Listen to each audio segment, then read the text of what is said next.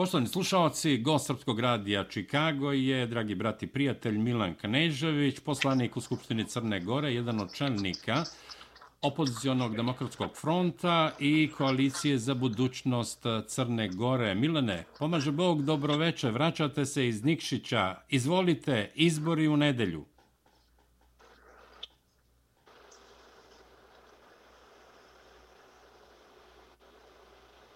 Halo, halo, halo, ja najavio, Milane. Nadam se da se čujemo. Dobroveče, pozdrav za vas i za vaše gledalce, vaše slušalce. Milo...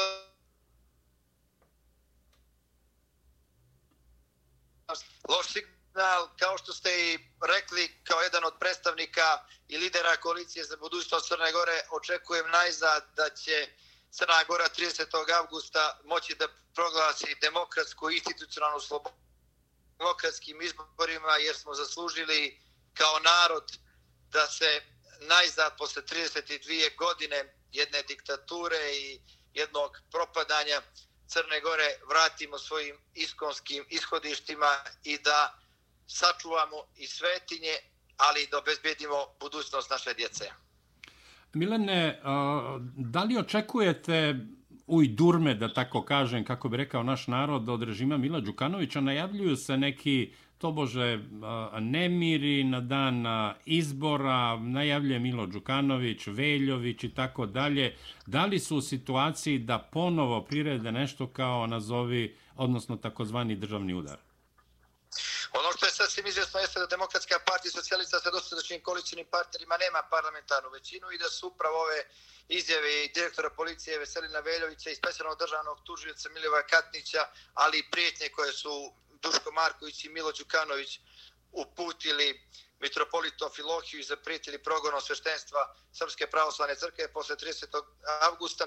U stvari jedan bezuspešan pokušaj plašenja građana Crne Gore ne bili se smanjila izlaznost. U pravu ste, to su nešto pokušali slično da urade i kroz jedan montirani državni udar na dan parlamentarnih izbora 16.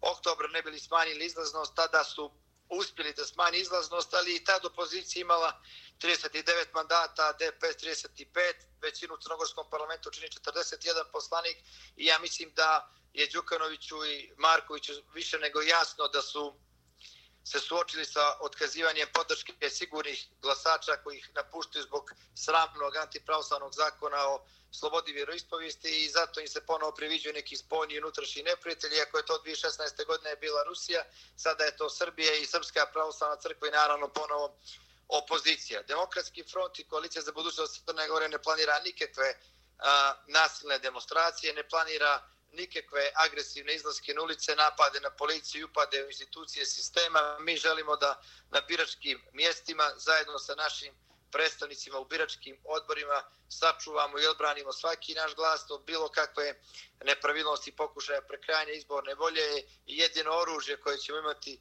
tog dana u našim rukama jeste hemijska i uvjeren sam da će građani Crne Gore po prvi put potpuno nasmijano, raspoloženo i odlučno glasati za budućnost Crne Gore, ali i za odbranu naših svetinja. Milane, znam da ste umorni, ali evo, pri samom kraju, kako komentarišete a, pojavu Svetozara Marovića, bivšeg ideologa Demokratske partije socijalista, bivšeg predsjednika zajedničke države Srbije i Crne Gore i jednog od najbližih saradnika Mila Đukanovića i, evo da kažem, lamentiranje nad svojom sudbinom, ali u svakom slučaju i sa dosta informacija koje su uh, uh, inkriminišuće protiv Mila Đukanovića? Svetozar Marović je crna kutija i Mila Đukanović i Demokratske partije socijalista, ideolog i čovjek koji je presudno uticao u oblikovanju ovakvog diktatorskog profila Mila Đukanovića, omogućivši mu da na predsjedničkim izborima 1997. godine kroz klasične zloupotrebe i neustavan upis 14.000 birača između dva kruga predsjedničkih izbora pobjedi Momira Bulatovića, kasnije mu je i omogućio da zaokruži e, takozvanu crnogorsku nezavisnost, odnosno stvarajući privatnu državu i mislim da je Svetozar Marović, iako su očekivanje opozicijne javnosti bilo mnogo veća, poslao dovoljno jasnih poruka vezano i za koruptivne sklonosti Mila Đukanovića i za neke sumnjive privatizacije, ali i za način na koji se on obračunava sa političkim neistomišljenicima i protivnicima i unutar svoje partije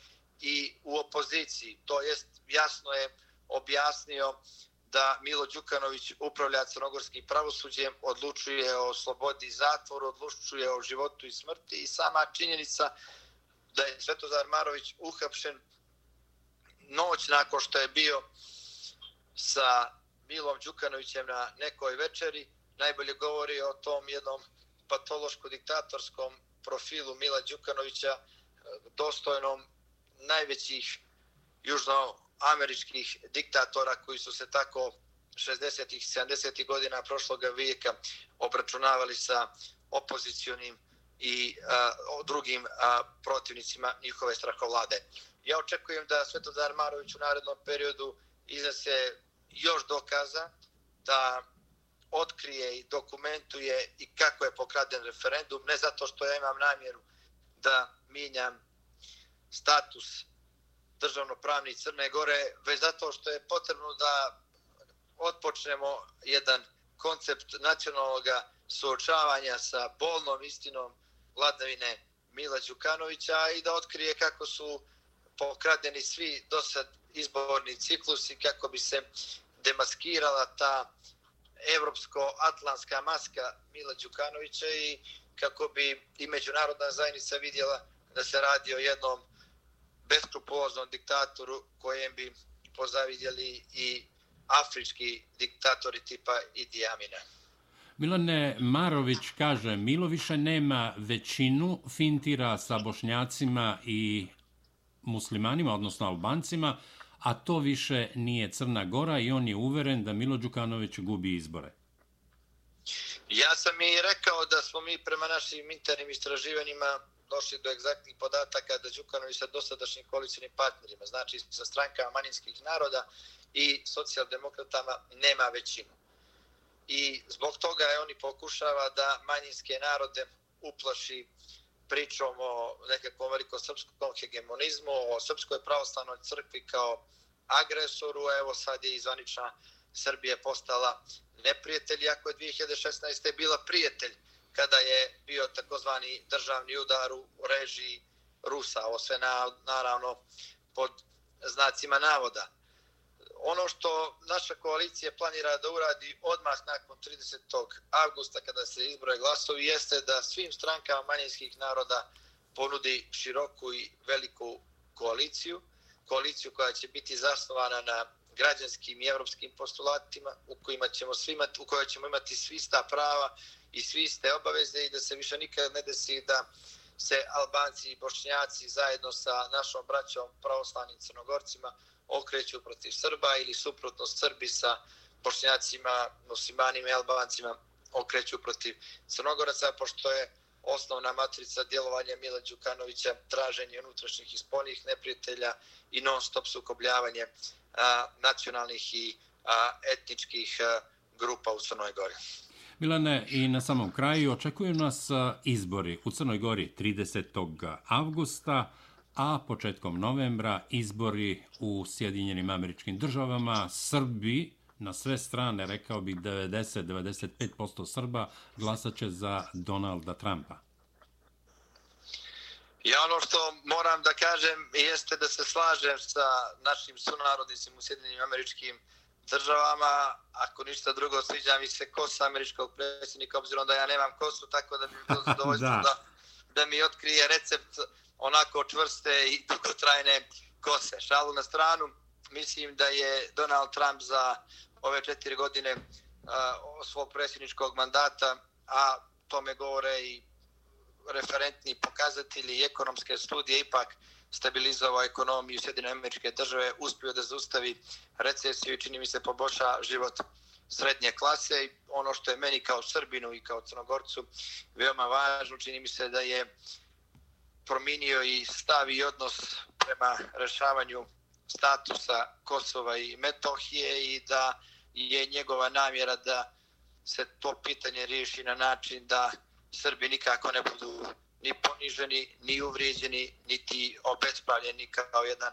ponosani častan narod i mislim da je posle onih mračnih predsjednikovanja u, od 94. godine posebno a, demokrata došlo vrijeme da mi kao Srbi ponovo u Sjedinim američkim državama imamo saveznike i da Sjedinja američka država u Srbiji, a volio bi da to bude i u Crnoj Gori, ima saveznike jer smo bili saveznici i u prvom i u drugom svjetskom ratu i potpuno je nesvatljivo da smo nekim kardinalnim greškama izgubili Sjedine američke države kao našeg istorijskog i dokazanog saveznika i zato se zbilja nadam pobjedi američkog, aktualnog američkog predsjednika Donalda Trumpa i ako što znači moja, moj apel ili moje lobiranje, pošto je lobiranje zakonom dozvoljeno u Sjedinim američkim državama, pozivam sve naše sunarodnike u Sjedinim američkim državama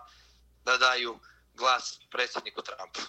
Milane, američki Srbi za Trumpa 2020. godine postali su zvanični deo kampanje Donalda Trumpa. Šta mislite o tome?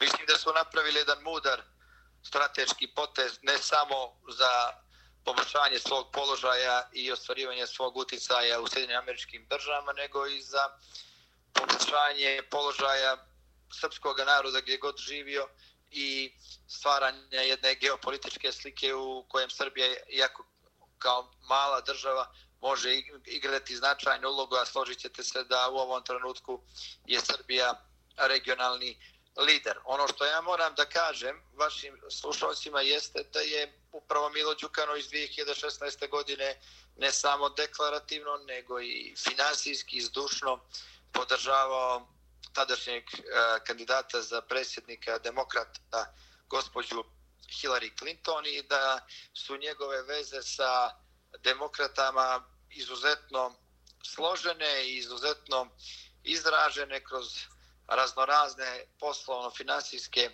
aranžmane, što ni on sam nije krio i čini mi se da je Crna Gora u ove četiri godine koliko je predsjednik Sjedinjenih američkih država Donald Trump značajno poremetila odnose sa najjačom i najmoćnijom državom na svijetu i da bi naravno bilo potrebno koliko god sad to možda izgledalo smiješno imajući u vidu značaj moć i broj stanovnika koji ima Crna Gora da na vlast 30. augusta dođu strukture koje će poboljšati i početi da grade neke nove i stabilnije odnose sa Sjedinim američkim državama i naravno sa administracijom predsjednika Trumpa. Milana, i na samom kraju, imate li poruku za izbore 30. avgusta za naše slušalce Srbe i Crnogorce poreklom iz Crne Gore? Na izborima 30. avgusta biramo između budućnosti Crne Gore, između naših svetinja koje su nam u Amanet ostavili naši preci i budućnosti naših potomaka koji bi nas sutra mogli pitati gdje smo bili i da li smo na strašnom mjestu postojali kada je trebalo čuvati naše svetinje. Mi smo u istoriji kao narod imali mnogo veća i složenija iskušenja, morali smo sa jataganima i sa puškama da branimo slobodu, da osvajamo nezavisnost. Ginuli smo sa brazilskim i srpskim narodom i na Tarabošu i na Bardanjolu i na Bregalnici i na Vučijem dolu i na Carevom lazu i na Solunskom frontu i u drugom svetskom ratu. Nosili smo zajedno i krst patnje i krst vjere. Ovu našu generaciju je dočekalo iskušenje i podvizništvo da branimo vjeru u Isusa Hrista, da branimo vjeru koja nam garantuje da ćemo i sutra imati pravoslavno ime i prezime i dopalo nam je u dužnost da sve to uradimo samo sa hemijskom u ruci i čini mi se da ćemo biti dostojni naših predaka zaokružujući budućnost Crne Gore umjesto budućnosti Mila Đukanovića. Milane, do pobede u nedelju, hvala, dragi brate, što si bio gost Srpskog radija Čikago, gospodine Kneževiću, hvala vam što ste bili gost Srpskog radija Čikago. Ami Bože, hvala i vama, pozdrav za vas i za vaše slušalce i svu našu braću u Sjedinim američkim državama. Hvala od srca, s Bogom. Bogom.